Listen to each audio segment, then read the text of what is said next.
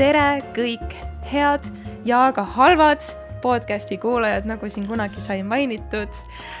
kui te kuulate meid täna sellel imelisel esimesel mail, siis äh, ilus vaba päev, ma loodan, et te naudite oma päeva koos meiega ikkagi teie kõrvades või silmades, sest me oleme endiselt ka videopildis saadaval. ja, ja millises imelikus keskkonnas seda kõike saab vaadata, mul ei jää kunagi meelde ja kõik. Alles oli see imeline, nüüd on imelik. no imelik või imeline, see on siis TV3 Play jah? jah, TV3 Play mm, -hmm. väga tore platvorm, tulge kõik sinna. vot täna on ähm, vaba päev ja sa tead, mis põhjusel on vaba päev, jah? mingi püha on mis püha on mul ei ole aimugi. No ametlikult on vaba päev sellepärast, et on kevadpüha, aga muidugi esimene mai on traditsiooniliselt olnud äh, töölisrahva püha, äh, punane püha, kommunistlik püha ja nõukogude ajal toimusid suured rongkäigud sel ajal. ja seetõttu ongi väga tore, et meil on täna külas inimene, kellel on ametit tohutult palju, vähemalt mulle tundub niimoodi. Mm.. tere, Triin Lellep tere, ma olen natuke pettunud praegu, Taavi, mis asja, ma mõtlesin, et esimene mai on vaba päev, sellepärast mina olen saates, et inimesed saaksid seda kuulata ja vaadata ikka nagu, et ei olegi sellepärast või? noh, ma olen natuke pettunud siis. no peaaegu peaaegu, peaaegu, see juba sobib kuule, loeme su ametid kõigepealt üle. Äh, ma hakkan pakkuma ja sina siis äh, ütle, kas sa oled nõus või ei ole. esiteks okay. Äh, ooperilaulja. ma olen nõus kas ma täpsustan ka, no sellepärast ikkagi see on mu asi, mida ma olen äh, professionaalsel tasemel õppinud, ainuke asi mu mhm. kõikidest mm -hmm. ametitest, tähendab äh, jah, olen nõus äh,. modell ähm,? olin, aga enam ei ole nii palju, aga kindlasti olin, et noh, ütleme, et see on, võib mu ameti, jah, võib küll öelda mm. -hmm. Äh, kirjanik? jaa, võib öelda sellepärast, et äh, üks raamat ei tee kirjanikuks, aga mul on tegelikult juba teine raamat tulemas. tohoh. ja, ja, ja kolm on mul käes äh, juba. siis on ajakirjanik. jah, ajakirjanik uh,. huvitaval kombel, see on isegi praegu minu üks nagu um, ütleme, number üks aega võtvaid tegevusi. et ikka täiskohaga mm. -hmm. ja siis äh,, siis mul tegelikult said mõtted otsa, aga siis ma mõtlesin välja selline selle toreda ameti nagu glamuuritar. glamuuritar, aga mul jäi, mul on üks veel. mul on ka näitleja. näitleja, näitleja, jah. näitleja. õige. ja, ja ähm,, ja siis mul on üks veel. nii um, see on nii cool. tegelikult ma ei ole, aga ma tahaks olla suunamudija. Tegelikult ma ei ole. Et sa tahaksid olla suunamudija või? Tegelikult, äh, tegelikult ma olen äh, üllatunud, et äh, mul on esimesed suunamudimise koostööprojektid tekkinud. ja ma isegi käisin väga kihvtil reisil Türgis niimoodi, et ma pidin sotsiaalmeediat tegema, tegema ja siis ma mõtlesin, et vau, et ma ei oleks eales arvanud, et see kunagi minuni jõuab, et, et ma saan ka seda teha. Et lihtsalt nautida päikest ja teha palmi all pilti ja panna, aa, palm on nii mõnus. oota, aga kus kohas sa teed siis äh, suunamudimist, Instagramis või äh, Te? tegelikult jah, Instagramis. palju su jälgijaid on? no vot, see ongi väga üllatav, et äh, mul on enam-vähem kaks tuhat ja, ja noh, vot läks ikkagi, õnnestus. aga kuidas see jõudis sinuni siis? no ma arvan, et, et tead, eks seal on ikkagi tutvusi ka ja, ja sõna liigub niimoodi suust suhu mm. -hmm. aga, aga see oli väga tore tegelikult nii et mis sa siis ütled, et kui kõik suunamõdjad üritavad meile justkui väita, et see on tegelikult väga raske töö ja see võtab väga palju aega, et tegelikult siis ei olnud ikkagi raske, et läksid, tegidki palmi all pilti ja panid üles ja oli kõik või? teate, ma ütlen teile ausalt, et neil on õigus. tegelikult see oli, see oli, see oli jumala raske, ma ei oleks arvanud, sest äh, põhimõtteliselt ma pidin, noh, tahtsin ikka seal nagu teha neil nagu noh, äh, kogu nende feed'i ka uueks, mis minu arust tuli jumala cool välja, väga ilus. ja ma tegin minu arust ma nägingi kogu aeg seda reisi läbi, läbi selle video ja fotokaamera. et päriselt ka, noh see oli ikka päris raske, et oleneb, kuidas seda teha, et kas sa paned mingi ühe pildi, aga ma panin reaalselt ikkagi nagu kümneid ja kümneid pilte ja story sid ja kogu aeg tegin. ja, ja see oli ikkagi jah, tõesti, tegelikult oli raske, et ei ole nii, et sa lähed seal, naudid seda puhkust, et sa istud seal palmi all ja mõtled, oh, kuidas parema nurga alt saaks sellest äh, Boulevardist siin nagu kohvikus teha parema pildi. et kogu aeg mõte töötab nagu, et see ei ole tõesti nagu puhkus, et seda küll jah. no vot, sa töötad praegusel hetkel Kroonikas ja Kroonikal on tulemas suured meelelahutusauhinnad, sa vist vist ei ole sel aastal nomineeritud üheski kategoorias tead, ma unustasin ennast ja, nagu äh, noh, panna sinna, ma tegelikult oleks tahtnud ja ma olen väga kurb, et üks asi jäi panemata. nimelt äh, siin, sinna oleks pidanud äh, kindlasti kuuluma Mart Sanderi film Kuues saladus kus mul on peaosa. seal on väga tuhat põhjust, miks see film oleks pidanud olema seal. esiteks sellepärast, et ta läks üle maailma, maailma viral'iks ja isegi oli ees kõikidest IMDB, Internet Movie Database, selline, ma ei tea, kas te olete vaadanud. ikka, ikka. et sealt nagu, seal oli ta ülikõrgel kohal Eesti filmides, siis oligi vist number ühel Melchiorist ees, Viimsest reliikviast, Tõest õigusest, kõigist ees maailmas. ja et ta oli väga vaadatud ja väga nagu popp ja mm, et selles suhtes on kahju, et see film siia noh ei läinud sinna nim nimekirja tänu minule mm, -hmm. sellepärast et ma lihtsalt mõtlesin, ma olen tagasihoidlik ja ma ei pane seda sinna. no vot, aga kui äh, nüüd äh, mängime sellist fantaasiamängu, et, äh, et kui sul oleks võimalik nagu olla ühes kategoorias nomineeritud, siis milline see kategooria on, mis, mis sa nagu taga, tahaksid, et kui me rääkisime ka su ametitest ja huvidest, siis seal on ju palju, sul on näitleja, suunamudija, võib-olla sa tahaks aasta olla aasta seksikaim, aasta seksikaima naise kategoorias, see on väga ahvatlev tegelikult, et mis sulle endale võib-olla kõige südamelähedasem kategooria oleks? Ma tahaks ikka olla te tegelikult päriselt ka, et kas siis äh, muusika või, või siis näitlemise, et üks nendest kahest, et kõik need muud nagu pigem, pigem mitte mm. -hmm. et noh, no võivad tulla, tore on ju eriti aasta suunamudija kahe tuhande jälgijaga, jee see oleks selline naljakoht, aga, aga mm, ma arvan, et näitlemine ja muusika oleksid sellised tõesti, siis ma oleksin rõõmus mm. -hmm no Eestis on muidugi see asi, et kui sa tegeled äh, mitme erineva asjaga, siis äh, kõik need erinevate kildkondade tegelased hakkavad ütlema sulle, et ah, sa ei ole midagi, sa teed seda teist asja ka ja nii edasi ja nii edasi mm, -hmm. kui palju sa oled tundnud seda omal nahal? no olen ikka, et kui minu jaoks nagu sõna multitalent on, eks ole, ikkagi nagu noh et vau et no ma ei tea, Mart Sander on multitalent, et vaata, kuidas ta maalib, vaata, kuidas ta muusikat kirjutab või näi- või ma ei tea, teeb filmi või äh, laulab või orkestrit juhatab, no minu jaoks on üle mõistuse.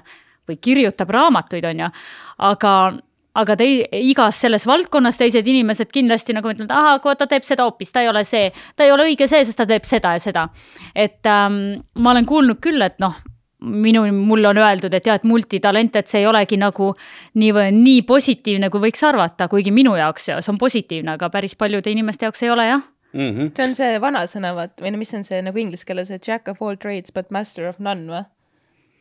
see oli nüüd nii peen lause, et aga põhimõtteliselt küll, jah. see ongi põhimõtteliselt see, et sa oled nagu väga paljudes asjades hea mm, -hmm. aga mitte üheski nagu ekspert või siis noh, ja, noh, proff on ju. vot jaa, ma saan aru ja mul on isegi olnud niimoodi, et nagu mingisuguse muusika koos noh, mingite ala mänedžeride ähm, läbirääkimistel nad on öelnud, et noh, et sa ei saa teha muid asju, et sa pead valima selle ühe ja panema kogu mm, -hmm. panustama sinna, sest muidu sa oled see saatejuht, laulja, näitleja blablabla äh, bla, bla. ja ja ma tegelikult äh, tegelikult võiks isegi öelda, et ma kadestan heas mõttes või isegi kurjas mõttes neid inimesi, kellel on ainult üks asi, mida nad teevad. et ma nagu kuidagi, ma ei oska, sest kui mul tuleb näiteks mingi inspiratsioon, siis ma tahan näiteks selle raamatu kirjutada, ma ei suuda teistmoodi, ma pean selle otsast lõpuni ära kirjutama ja siis see on läbi ja siis ma ei taha üldse midagi kirjutada, ei ole nii, et ma tahaks kohe siis jääda kirjanikuks, kirjutada kümme raamatut, mul ei ole nii, et mul tuleb nagu niimoodi puhang, ma pean ära selle tegema ja siis ma ei taha üldse midagi sellest kuulda. noh, muusika on pidev, on ju, seda ma teen kogu aeg, aga, aga ma ikkagi ei tunne, et ma suudaks olla ainult muusik, samamoodi muusik, muusikaalal on ju. Orkestriga ma laulan Prantsusmaal, see on puhas klassika, aga ma ei suudaks ette kujutada, et ma laulaks ainult klassikalist muusikat et ma väga imestan neid lauljaid, kes tõesti laulavad ooperiteatris iga päev klassikalist muusikat, väga fännavad lahe, ma ei tea, ma olen mõelnud, miks mina ei ole selline, ma ei tea mm.. no sina said kohe selle sellise Eesti kildkonna põhisuse omal nahal ju äh, kätte nuheldud, kui, kui sa tulid äh, Prantsusmaalt ja siis äh, hakkas uuriv ajakirjandus tegelema sellega, et issand, see Triit Lelet, ta ei ole ju tegelikult äh, ooperilaulja, ta läks hommik Anuga saatesse ütles, et ta on ooperilaulja, ta ei oleks tohtinud seda teha. kui äh, palju see äh,, see nõiajaht sind ennast üllatas toona? täiega et äh, selles suhtes see oli niimoodi, et mu ema näiteks ütles, et oi-oi-oi, et noh, oli natuke niimoodi pabinas, et varsti tuleb tagasilöök, et sa ei tea, mis siin Eestis toimub, aga ma olin ise kolmteist aastat eemal olnud. et minu jaoks oli täiesti noh, kui ma rääkisin oma prantsuse näiteks orkestri liikmetele või dirigendile või, või teistele solistidele, nad ütlesid, et nalja teed või, see ei ole võimalik, me ei usu seda, et selline asi üldse võimalik on. et tegelikult vestlus läks äh, lahti sellest, et kas ma nüüd olen ooperilaulja või klassikaline laulja, mis suhteliselt on sama asi, lihtsalt see, et, et äh, nad võib-olla hakkasid seal natukene vinguma, et ma ei ole ooperiteatris alaliselt solist aga ometi ma olen orkestri ala, alaline solist. sa oled šarlatan. sind tuleb põletada tuleriidal. täpselt, täpselt, täpselt, et šarlatan on ju, et ma olen vabakutseline nii-öelda klassikaline laulja või siis ooperilaulja. et laulan vabakutseliselt ooperit ja selles mõttes ma ei tohi öelda, et ma olen ooper, ooperilaulja, vaat, vaat see on nagu, see oli šokeeriv jaa päriselt, see oli šokeeriv mm. -hmm. aga kas sul, noh, sa olidki tulnud tegelikult Prantsusmaal, kas sul sel hetkel ei tekkinud tunnet, tulid siia, kohe nagu põhimõtteliselt sülitati näkku, aitab, ma lähen minema, las see, need eestlased ja Eesti jääb? ja ma läksingi tagasi, aga siis tuli koroona ja siis ähm, see nagu pani asjad paika, et äh, seal Prantsusmaal oli hästi karm. et seal oli niimoodi, et sa ei, sa ei võinud oma toast, ütleme oma korterist, enamus inimesed elavad seal ühetoalistes korterites, on ju, nagu minagi elasin kolmekümne viie ruudu peal, on ju, sa ei tohtinud sealt välja minna. ainult ühe korra päevas sa kirjutad, täna kell kümme kolmkümmend ma lähen poodi ja kümme viiskümmend tulen tagasi, on ju, mu pood on seal saja meetri kaugusel, sa ei tohi minna kaugemale poodi, sest sinu kõige lähem pood on saja meetri kaugusel. ja no ma proovisin paar päeva niimoodi elada ja mul tekkis äh, klastrofoobia reaalselt ma ei suutnud, ma vaatasin, et see ei ole võimalik, ma ei suuda elada niimoodi, et ma olen ühes niimoodi ruumis ei saa kuhugile minna ja, ja siin vanemad ütlesid ka, et tule ära, tule ära, et Eestis vähemalt lähed metsa jalutama, see on lubatud. Pariisis see ei olnud lubatud, et politsei passis tänava peal, on ju. et ja siis ma tulingi ära ja kuna see, ma, ma alguses ikka aasta aega veel maksin üüri ja ütlesin, et no, et ma tulen tagasi, ära anna korterit ära, no ma tulen. aga korteriomanik juba ütles, et no vaata, vaata, kaua see sul läheb, et see koroona ei lõpe veel niipea. ja no lõpuks ta läkski, ma ei tea, kaks aastat või niimoodi, aga mingi hetk ma lõpetasin üüri maksmise, ütlesin, et noh, ma olen siin, sest kui seal mul laulmise tööd ei ole, mul ei ole mitte midagi teha seal mm. -hmm. kui palju äh, maksis äh, korteriüür, ühetoalise korteriüür Pariisis? Ma sain väga-väga-väga-väga hea hinnaga, aga mul oli kaheksasada eurot, sest ma olin Pariisi linna sees. ja, aga noh, see oli selles mõttes oli väga hea hind. aga mul oli ka niimoodi, et mul olid ühekordsed need akna ma ei tea, kas öeldakse vitraažid, kindlasti mitte, aknaklaasid mm. -hmm. no et, et, et ei olnud nagu selline, et no ikka tuul pani niimoodi läbi ja talvel oli ka ülikülm ja selline remontimata, aga täielik nagu Pariisi šarm.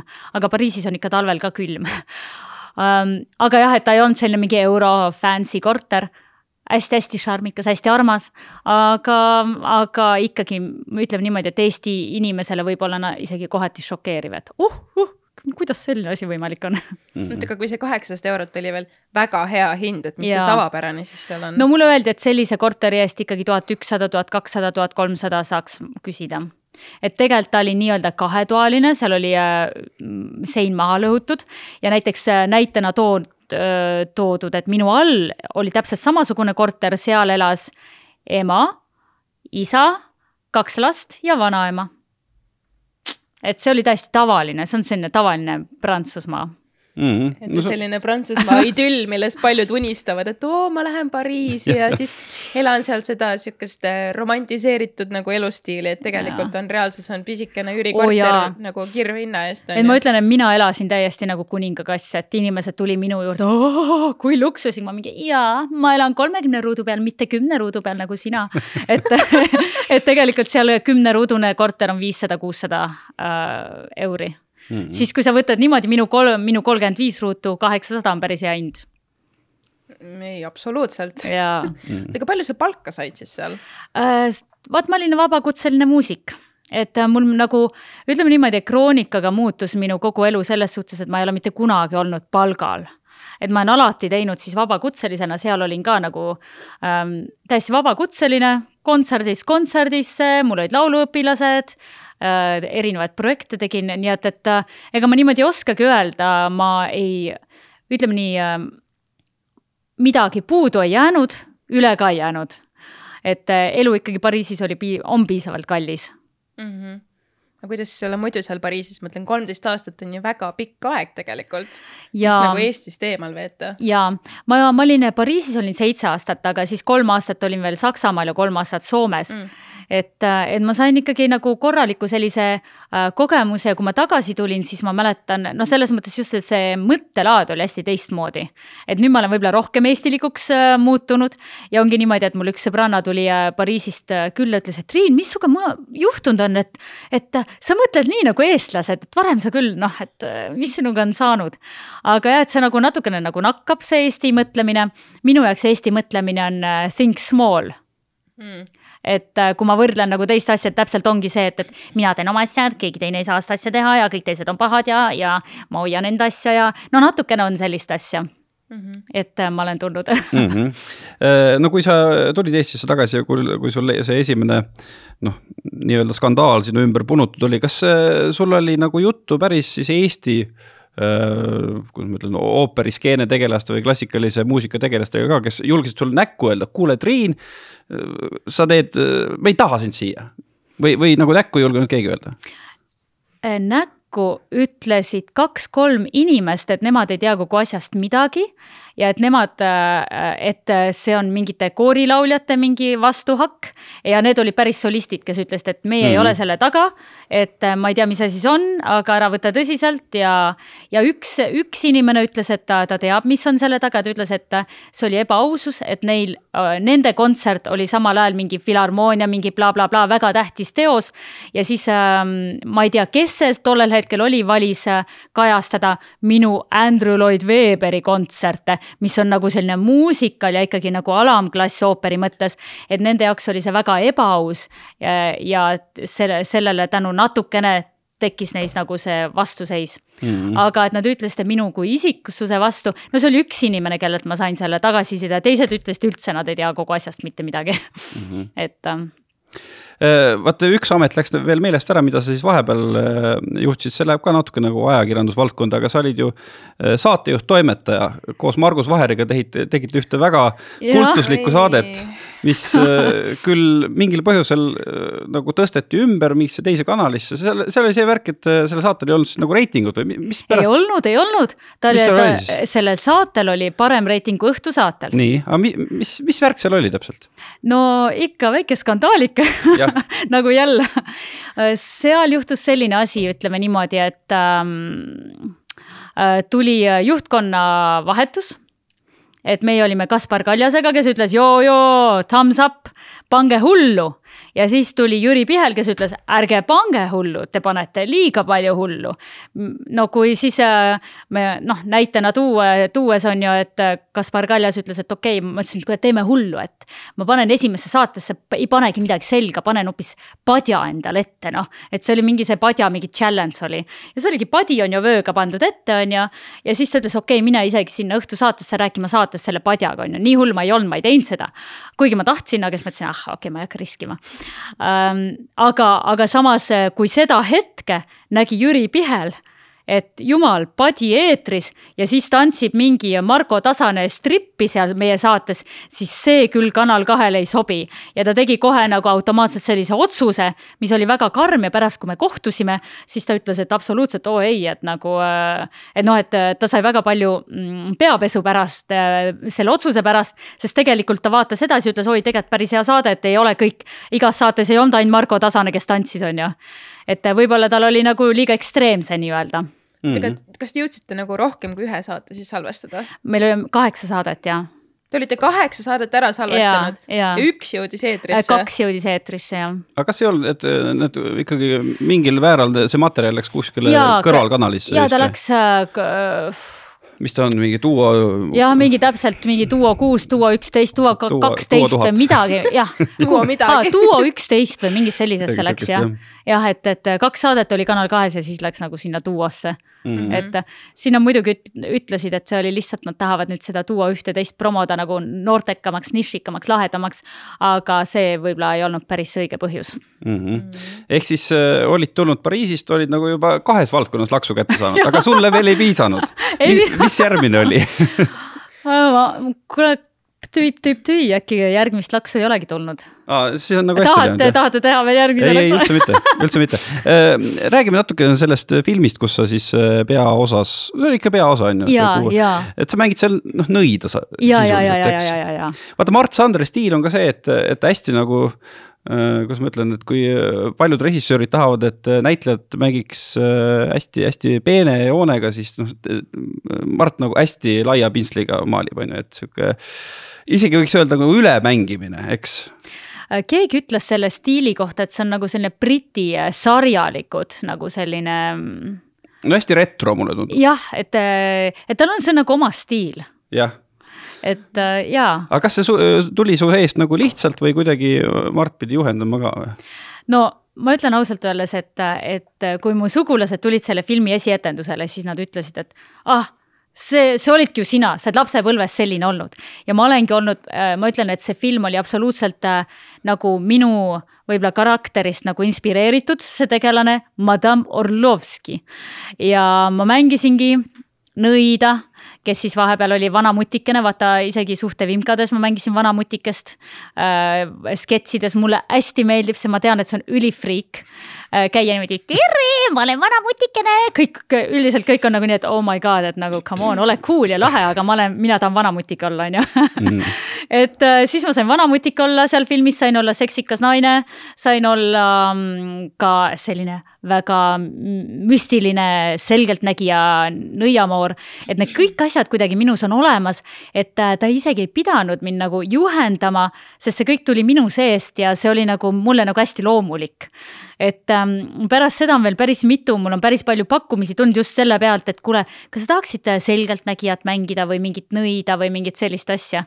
et see on väga huvitav, et kõik mm. kuidagi samasse, samasse nagu, et samas ma, ma ei näe, et ma oleksin selline kuri, salakaval äh,, selline nii, aga filmides mulle väga meeldib olla selline nasty karakter ausalt öeldes. no sellel Orlovskil oli muidugi ka väga Äh, lahe aktsent.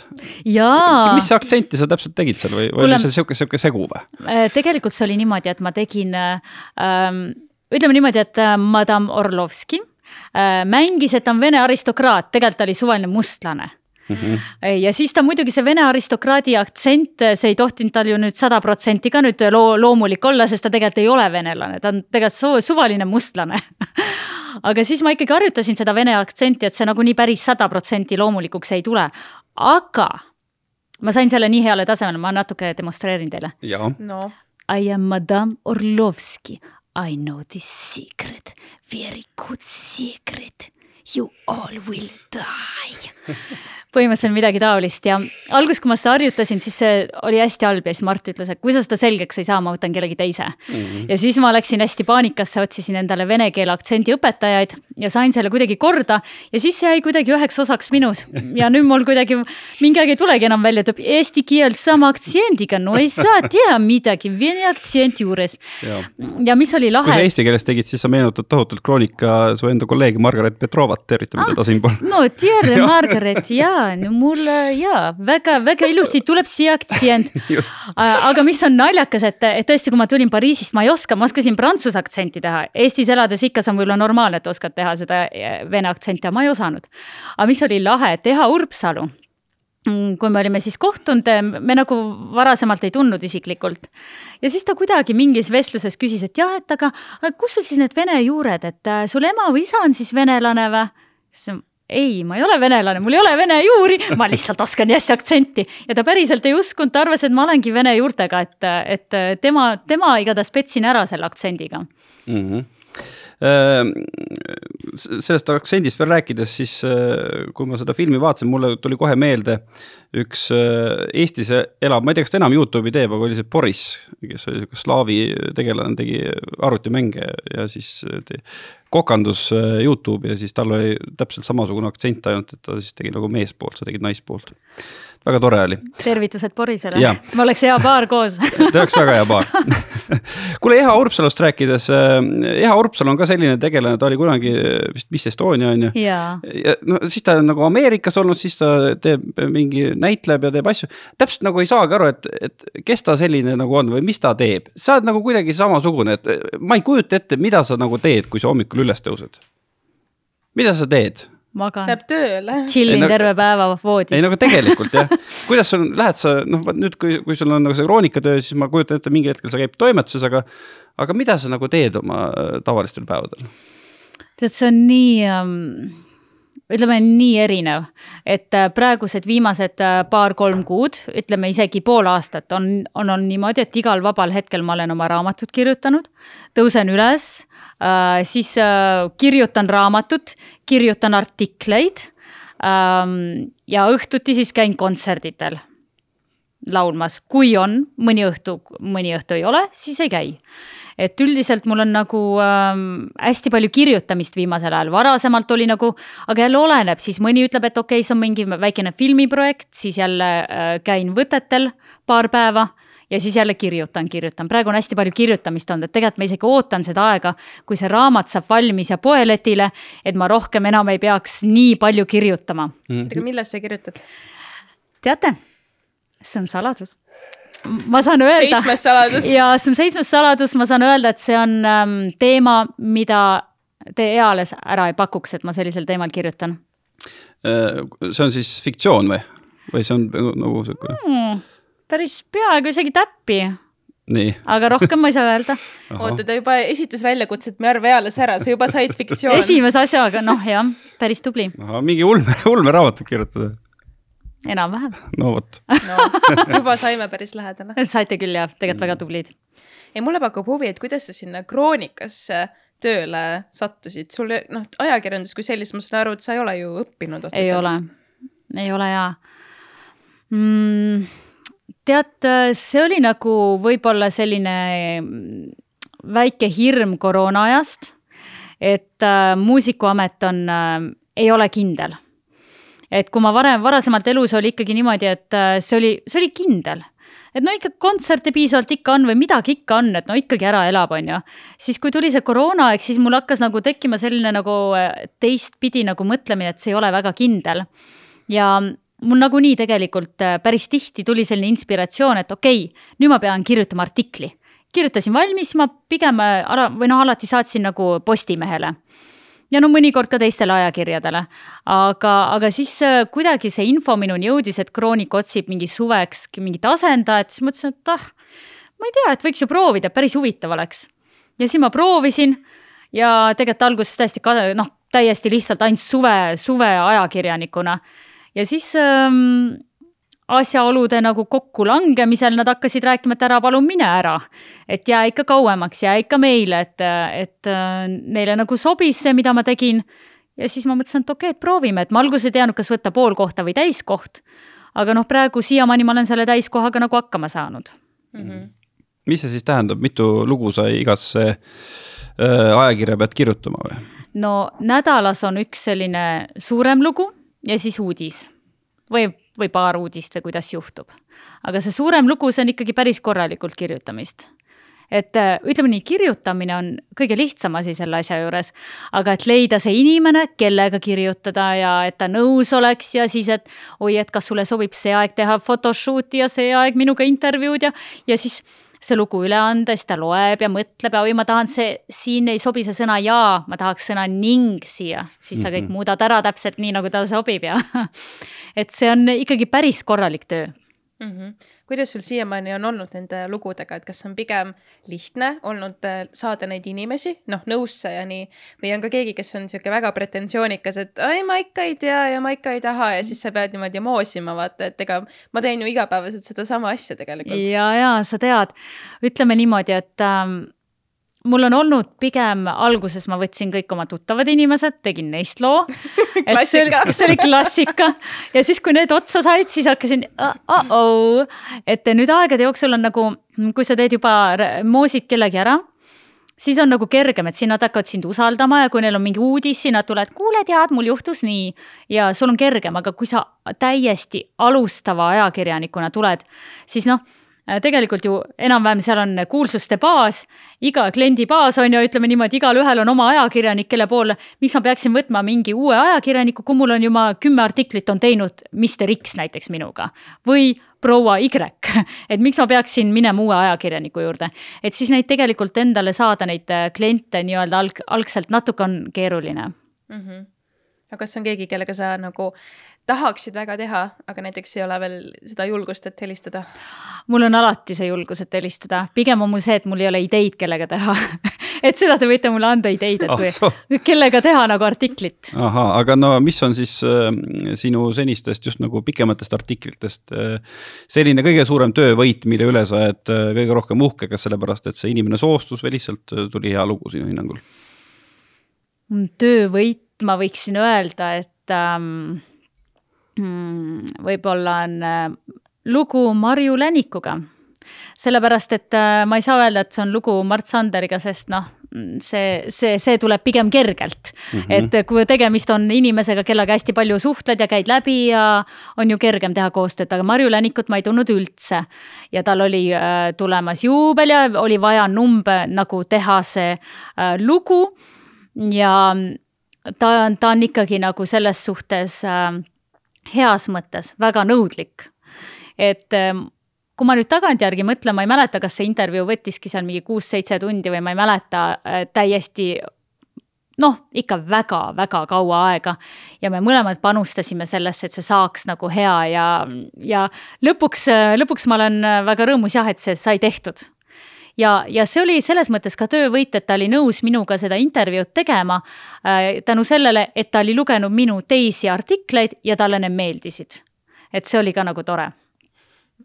kui sa juba mainisid Mart Sanderit, et ma saan aru, et äh, okei okay,, kui ta on muidu lihtne nagu koostööpartner, et Uue Laulu saatesse ei olnud eriti lihtne teda saada ei olnud üldse jah, et see oli, see oli päris raske, et, et äh, tegelikult, et ta on lihtne koostööpartner siis, kui tema midagi teha tahab.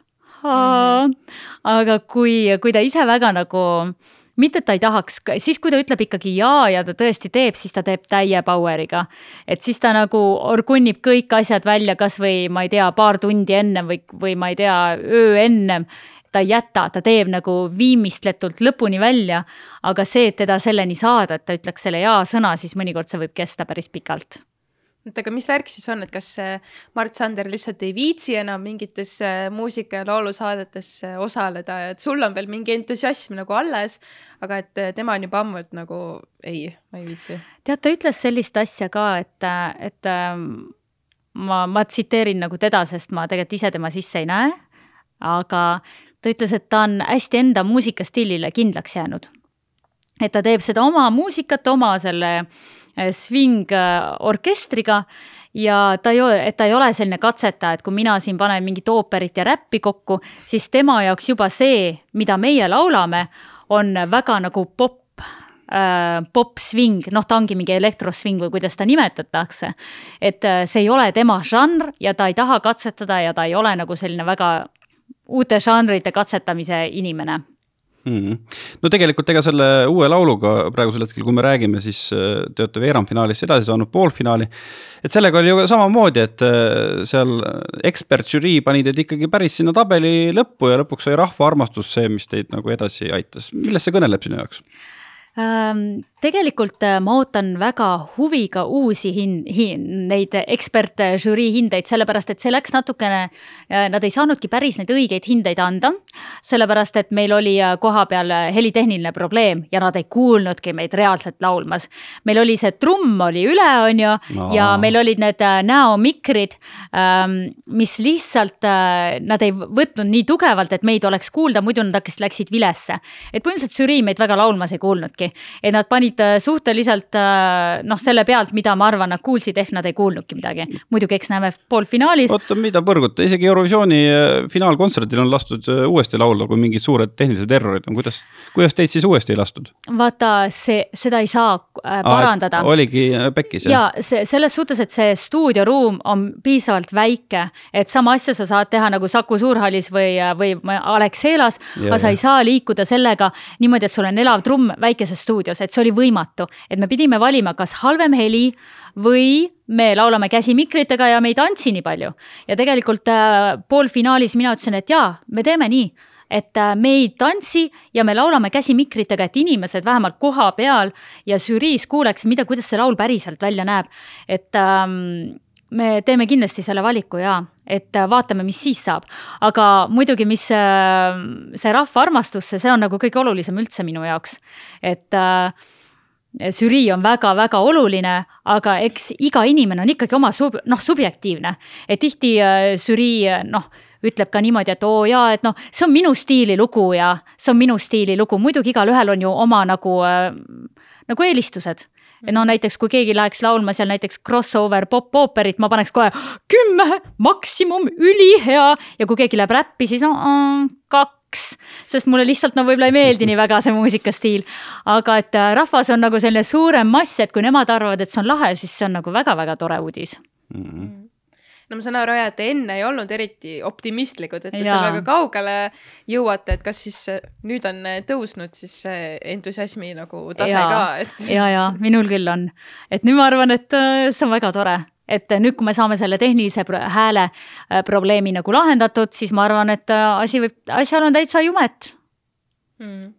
no kui me enne rääkisime siin sinu päeva, ma ei tea, siis plaanidest on ju, mulle kõlas, et okei okay,, et su päevad on väga tihedad.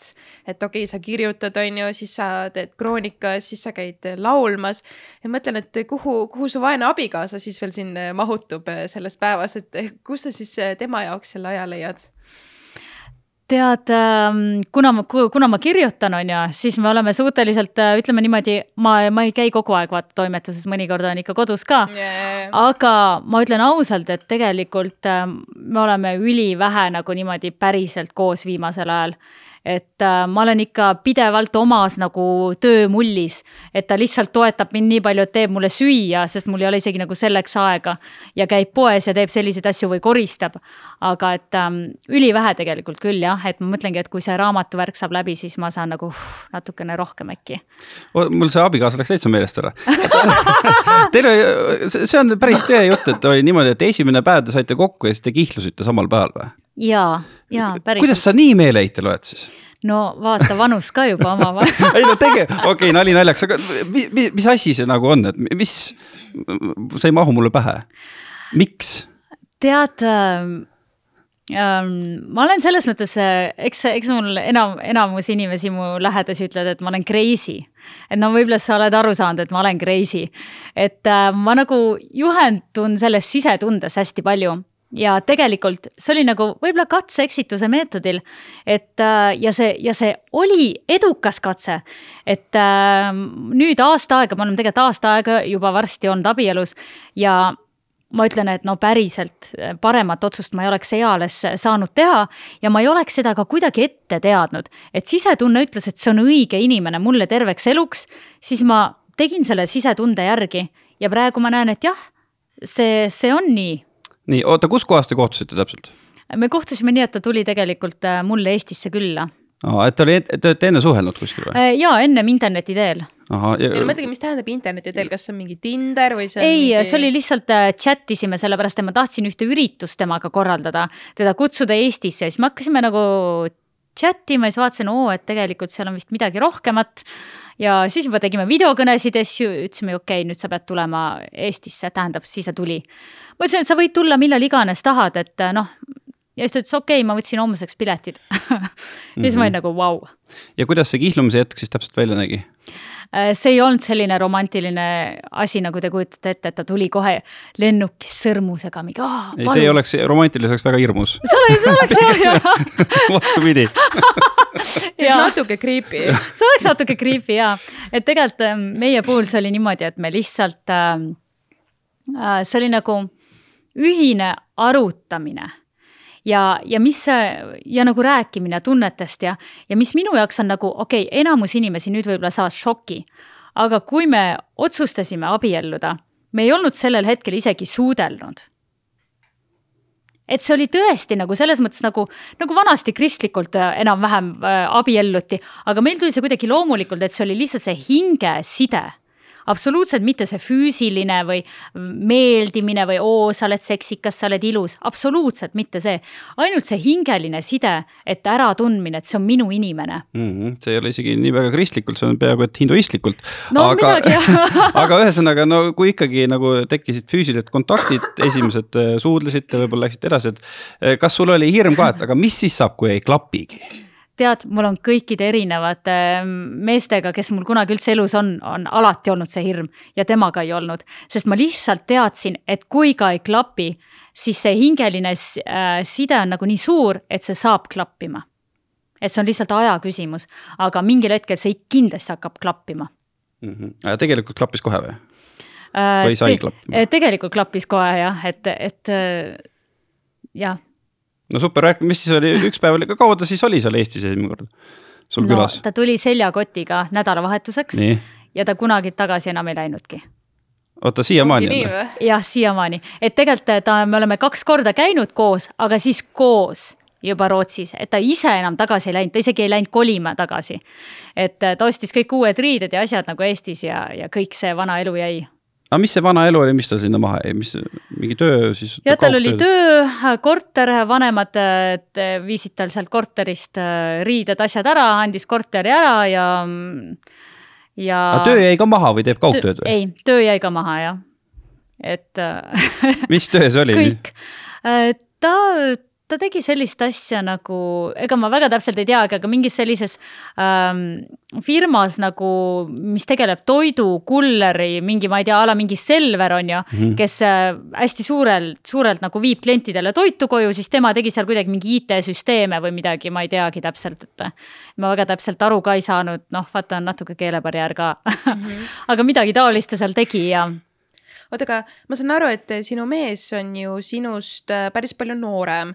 oota, kui, kui vana ta siis oli, kui ta siis selle seljakotiga Eestisse tuli? no ta oligi kakskümmend neli kakskümmend neli, okei okay., ma nüüd lihtsalt mõtlen, et noh, mina olen kakskümmend viis, et äh, kui kahekümne nelja aastane noormees teatab oma vanematele, et nii, isa, ema, ma nüüd lähen Eestisse, ma abiellun, ma jätan kõik oma asjad äh, siia et kas, kuidas nad nagu isegi reageerisid sellele või kas nemad olid ka nagu jaa, muidugi, mine, mine, et me teeme su korteri tühjaks ja kusjuures see ongi ebareaalne, et, et nad olidki niimoodi.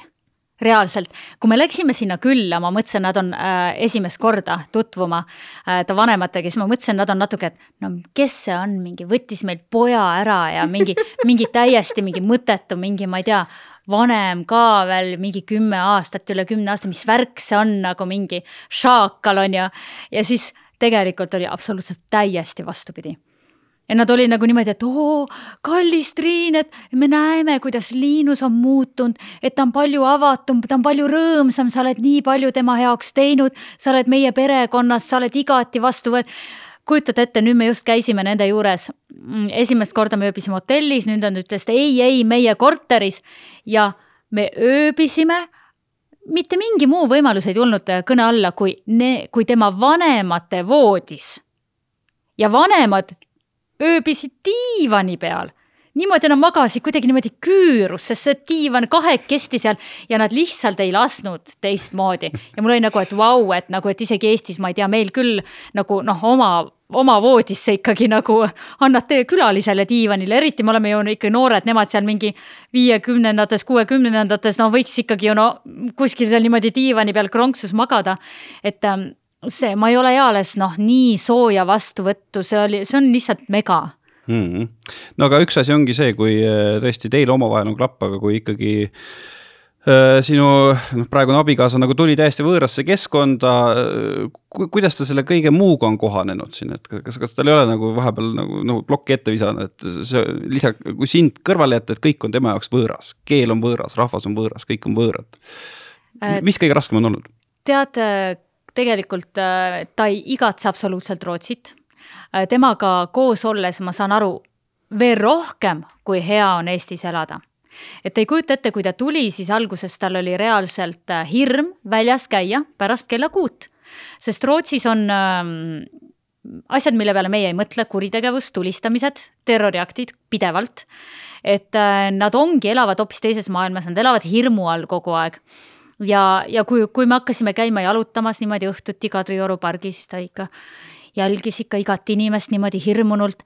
Ja, ja kui see nagu mingi hetk nagu ta lasi ennast lõdvaks ja ütles täitsa pekkis, ma ei peagi kartma, et Eesti on vapustav maa, et siin, siin saab olla vaba ja hirmu, ei pea hirmu tundma ja, ja ma julgen üksi tänaval käia ja, ja noh ma ei tea, kunagi, mäletan mingi, võib-olla kui ma kooli ajal käisin kuskil Narvas, käisime näiteringide laagris, siis öeldi, et kuule, et, et ärge üksinda minge eesti keelt rääkima öösel õhtul pimedas on ju. et noh, tema on terve elu sellist asja, noh, vähemalt teadlikku elu sellist asja pidanud tundma. et siis talle Eestis tohutult meeldib mm.. et ta on väga õnnelik, ta üritab kogu aeg promoda, et, et ta pere ka siia järgi tuleks.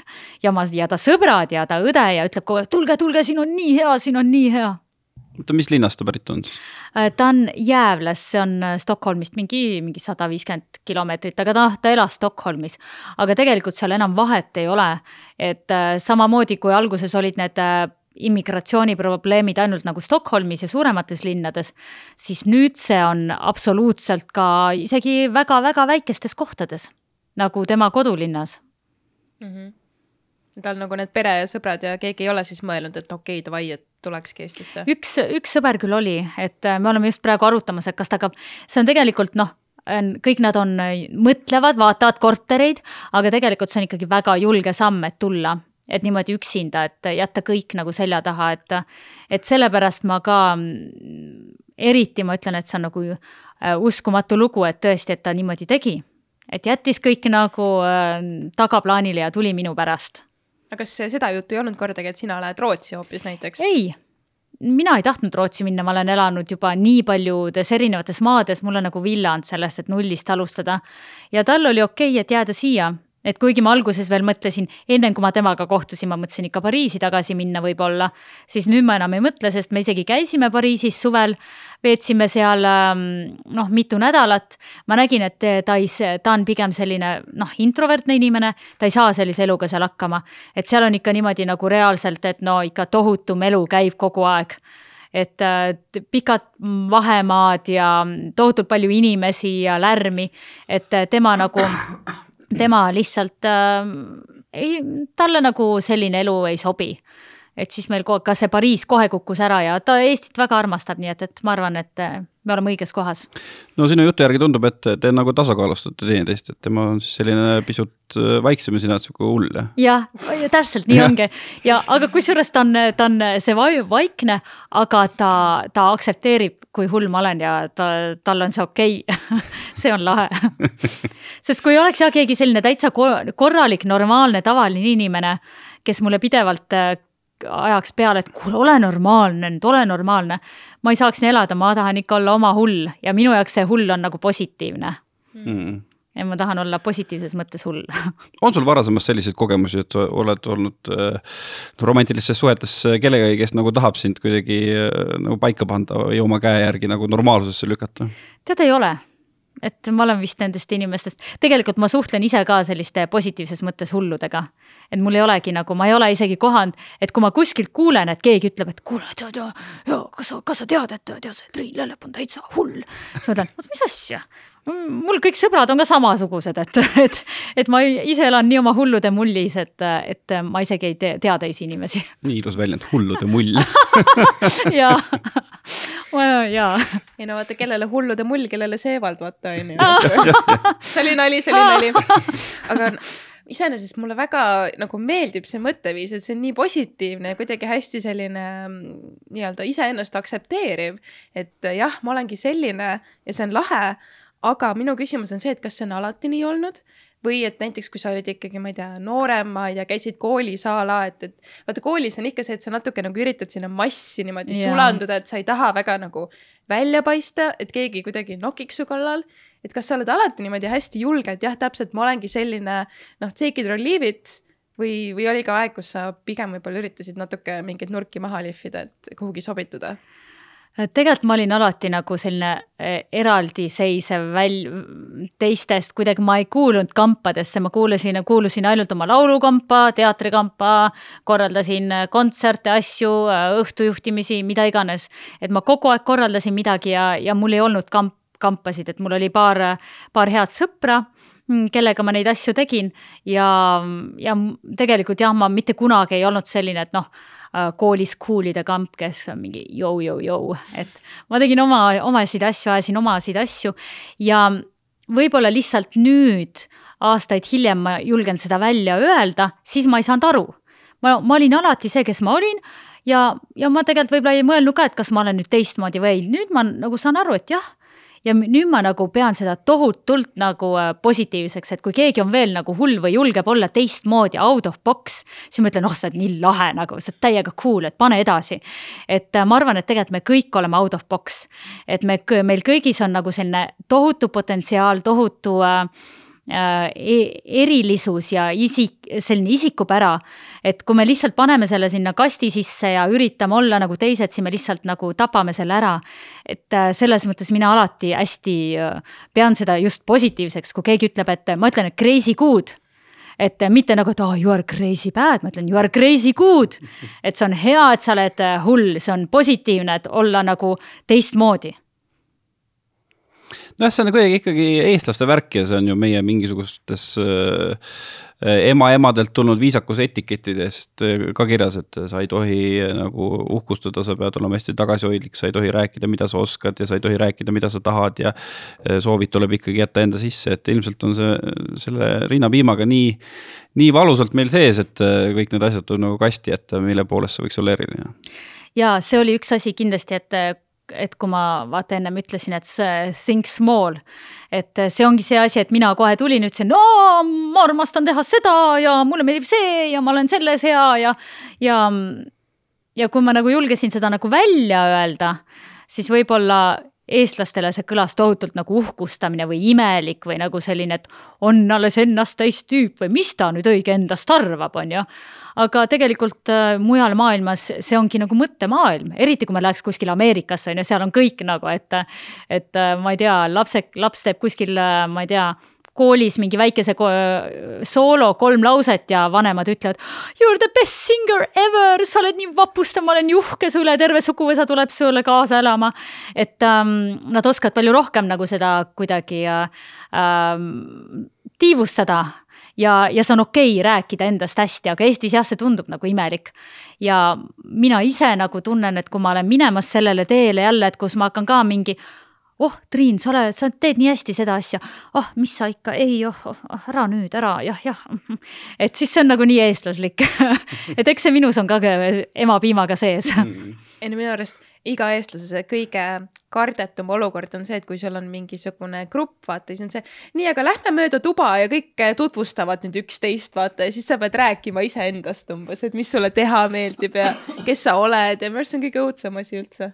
sest ma ei oska midagi rääkida endast no kusjuures mulle täiega meeldib no,. noh, äkki ma ei olegi selles suhtes päris eestlane, aga ma mäletan kooli ajal ma vihkasin neid asju, nii et, et siin on asi, midagi muutunud ikkagi mm. -hmm.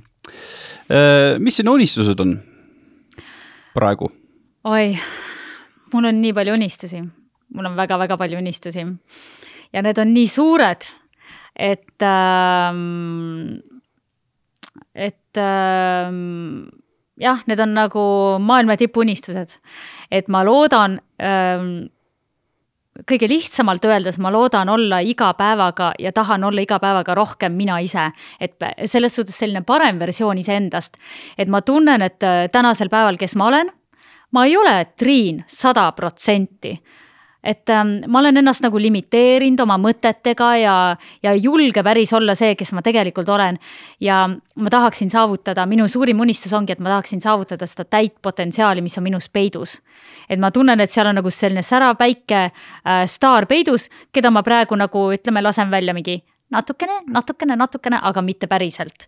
et minu esmane unistus on olla see, kes ma tegelikult äh, meant to be, kes ma tegelikult peaksin olema, kes ma olen ähm, sündinud olema. ja kui see unistus täitub, siis ma arvan, ülejäänud unistused juba täituvad äh, imeväel mm. oled sa mõelnud selle peale, võib-olla see Eesti väike konnatiik ja keskkond äh, nagu ei soosigi, et, et ühel hetkel sa oma täit potentsiaali võiks rakendada äh,? ma olen ise seda tundnud kuidagi küll, et äh, et äh, näiteks kui ma olen ise välismaal, mul on nagu ütleme ausalt äh,, parem olla äh,. tervise mõttes on mul tulnud äh, Eestis elades äh,, ma arvan, et paljuski asi on ka tänu kliimale kahjuks äh, tõsiseid terviseprobleeme. et ähm, see on võimalik, jah ma, aga ma arvan, et Eesti, Eesti põhiasi on see, et kui sul ikkagi on, on nii karm talv, mis meil oktoobrikuust või praegu me jõuame maisse, väiksed lehed hakkavad tulema, et noh, et see ei ole reaalne. et mina olen reaalselt äh, Pariisis harjunud näiteks sellise talvega, et noh, paar nädalat on külm. ja praegu juba kolm-neli kuud ma vabalt äh, sõidan jalgrattaga igale poole. et äh, mulle ei sobi selline, selline kliima lihtsalt, mulle isiklikult ja ma vaatan oma, näiteks oma vanaema totaalse nagu imetlusega, et kuidas on võimalik, et ta on üheksakümmend, ta on tervem kui mina, ta on elurõõmsam kui mina ja ta ei ole, ta ei käi, ma ei tea, kogu aeg seal, ma ei tea, kuskil välismaal päikest püüdmas, on ju. et, et tegelikult ma arvan, et see on mõtetes kinni, et ma olen iseennast kuidagi limiteerinud ja sellepärast ma tunnen, et Eestis on raskem ennast nagu äh, tunda täieliku minana ja vabana. aga, aga mul on näiteid inimestest, kes teevad seda. et äh, siin on jälle töö iseendaga, et ma loodan, et ma saan sellega hakkama mis sa arvad, mis sa arvad, mis, mis need sammud nagu on, mis sa peaksid astuma või et mida sa peaksid tegema, et siis nagu saavutada see täiu-, noh, ma ei tea, siis täielik sina või see potentsiaal? ma arvan, et mul on väga suur asi teha Äh, enesearmastusega. et ma arvan, see teekond ei saa kunagi otsa, et ma arvan, et ma olen liiga karm iseendaga. et oh, kurat, siin see oh, oh, oh. et äh, ma arvan, seda on päris palju. et äh, kui ma suudaksin olla juba iseendaga nagu armastavam ähm, heatahtlikum, see kõne, mis meil peas kogu aeg läheb, et oi kurat, jälle ei saanud hakkama oi, oi, oi, oi, oleks ikka nii pidanud tegema, oleks palju parem. või et oh, kuule, siin liiga peenike, siin liiga paks, näed, siin liiga see, siin liiga seal. et ähm,, et äh, ma kardan jah, ma arvan, et ma olen liiga karm iseendaga ja see oleks nagu esimene asi, et mida ma tahaksin nagu sellist äh, headust, empaatilisust iseendale mm. -hmm aga kui palju sind äh, mõjutavad äh, just selle enesehinnangu ja enesearmastuse juures mingid, ma ei tea, negatiivsed kommentaarid näiteks, mida sinu kohta kuskil, ma ei tea, kirjutatakse või keegi jälle ütlebki kuskil, et ah, see Triin, et noh, ta on, ma ei tea, mingi kondikubu a la, on ju. Mhm, mhm. et noh, kuidas see sind mõjutab um...? Tegelikult kusjuures äh, võib-olla nii väga ei mõjutagi. et äh, ma vahepeal nagu naeran selle üle, et ikka öeldakse, et äh, kuigi praegu ma olen kõvasti juurde võtnud, et ma isegi vaatasin, oh my god, ma ei saa enam öelda, et ma olen Kondi klubu kubu sest ma tegelikult, ma tahtsingi juurde võtta, ma olen kogu aeg tahtnud juurde võtta ja ma olen nüüd võtnud selle teemaks, et ma tõesti söön väga palju, ma võtan juurde, sest ma ei saa olla niimoodi, et ma olen, ma ei tea ähm, tõesti nelikümmend seitse kilo, no see ei ole okei okay., meeter seitsekümmend, nelikümmend seitse kilo, no vähemalt viiskümmend kaks peaksin olema, on ju. natukene midagi juurde, ma olen juurde võtnud. et selles mõttes see toimib, aga minu puhul see on nagu keeruline. ma ei võta pigem seda hinge, ma, mulle tundub, et ma olen ise kõige suurem kritiseerija. et ma isegi ennast kritiseerin hullemini kui keegi teine üldse. see on vist meie kõigiga niimoodi. ma kardan mm. küll, jah Mm, no siin lõpus tuli väga palju mõtteid, mis tegelikult võiks ju nii meile kui ka kõigile kuulajatele ja vaatajatele jääda, et ennast tuleb rohkem armastada, endal tuleb rohkem pai teha. ja tegelikult ilmselt võib-olla enesearengu mõttes on see ka kasulikum, kui äh, ennast pidevalt piitsutada ja ennast mm -hmm. maha mhm. tõmmata. jaa sest noh, kui sa lavale näiteks lähed ja ütled, ütled juba ette, et oh, ma olen saast ja mis, mis siin ikka noh, et ega. no vabandage, ma laulan korra ära ja siis lähen ruttu ära, et, et rohkem teie aega ei võta. et siis eh, tegelikult see on see, mis sa välja annad, seda energiat ka inimestel ongi nii, kuule, millal see järgmine artist tuleb, et noh, igav on, on ju. et, ähm, et just see nagu, kui me ise suudame ennast väga palju limiteerida ja teha nagu endal tiibi kärpida nii-öelda mm. -hmm. Mm -hmm aga mis sa, sorry, Taavi. ei.